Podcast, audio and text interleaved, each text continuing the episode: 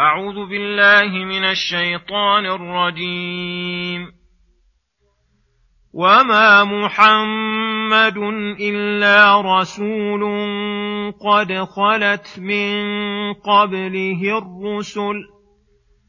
أفإن مات أو قتلا انقلبتم على أعقابكم ۖ ومن ينقلب على عقبيه فلن يضر الله شيئا وسيجزي الله الشاكرين وما كان لنفس ان تموت الا باذن الله كتابا مؤجلا ومن يرد ثواب الدنيا نؤته منها ومن يرد ثواب الاخره نؤته منها وسنجزي الشاكرين وكأي من نبي قاتل معه ربيون كثير فما وهنوا لما أصابهم في سبيل الله فما وهنوا لما أصابهم في سبيل الله وما ضعفوا وما استكانوا والله يحب الصابرين. وما كان قولهم إلا أن قالوا ربنا اغفر لنا ذنوبنا وإسرافنا في أمرنا وثبت أقدامنا. وثبت أقدامنا وانصرنا على القوم الكافرين.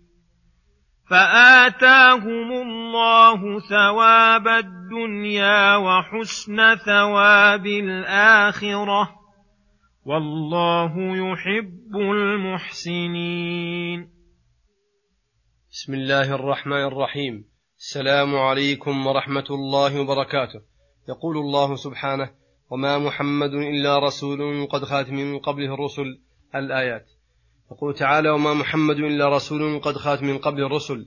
أي ليس ببدع من الرسل بل هو من جنس الرسل الذين قبله وظيفتهم تبليغ رسالة ربهم وتنفيذ أوامره ليسوا بمخلدين وليس بقاؤهم شرطا في امتثال أوامر الله. بل الواجب على الأمم عبادة ربهم في كل وقت وبكل حال. ولهذا قال أفإن مات أو قتل انقلبتم على أعقابكم بترك ما جاءكم به من إيمان أو جهاد أو غير ذلك. قال الله تعالى ومن ينقلب على عاقبيه فلن يضر الله شيئا إنما يضر نفسه وإلا فالله تعالى غني عنه وسيقيم دينه ويعز عباده المؤمنين. فلما وبخ تعالى من انقلب على عقبيه مدح من ثبت مع رسوله وامتثل أمر ربه فقال وسيجزي الله الشاكرين. والشكر لا يكون إلا بالقيام بعبودية الله تعالى في كل حال. وفي هذه الآية الكريمة إرشاد من الله تعالى لعباده أن يكونوا بحالة لا يزعزعهم عن إيمانهم أو عن بعض لوازمه. فقد رئيس ولو عظم. وما ذاك إلا باستعداد في كل أمر من أمور الدين بعدة أناس من الكفاءة فيه. إذا فقد أحدهم قام به غيره. وأن يكون عموم المؤمنين قصدهم إقامة دين الله والجهاد عنه بحسب الإمكان. لا يكون لهم قصد في رئيس دون رئيس فبهذه الحال يستتب لهم أمرهم وتستقيم أمورهم. وفي هذه الآية أيضا أعظم دليل على فضيلة الصديق الأكبر أي بكر رضي الله عنه وأصحابه الذين قاتلوا مرتدين بعد رسول الله صلى الله عليه وسلم لأنهم هم سادات الشاكرين. ثم أخبر تعالى أن النفوس جميعها معلقة بآجالها بإذن الله وقدره وقضائه. فمن حتم عليه بالقدر أن يموت مات ولو بغير سبب من أراد بقاءه فلو وقع من أسباب كل سبب لم يضره ذلك قبل بلوغ أجله. وذلك أن الله قضاه وقدره وكتبه إلى أجل مسمى. إذا جاء أجلهم فلا يستأخرون عنه ساعة ولا يستقدمون. ثم أخبر تعالى أنه يعطي الناس من ثواب الدنيا والآخرة ما تعلقت به إرادتهم. فقال ومن يرد ثواب الدنيا نؤته منها ومن يرد ثواب الآخرة نؤته منها. قال الله تعالى كلا نمد هؤلاء وهؤلاء من عطاء ربك وما كان عطاء ربك محظورا. انظر كيف فضلنا بعضهم على بعض وللآخرة أكبر درجات وأكبر تفضيلا. وسنجزي الشاكرين ولم يذكر جزاءهم ليدل ذلك على كثرته وعظمته. وليعلم أن الجزاء على قدر الشكر قلة وكثرة وحسنا. ثم يقول سبحانه وكأي من نبي قاتل معه ربيون كثير الآيات.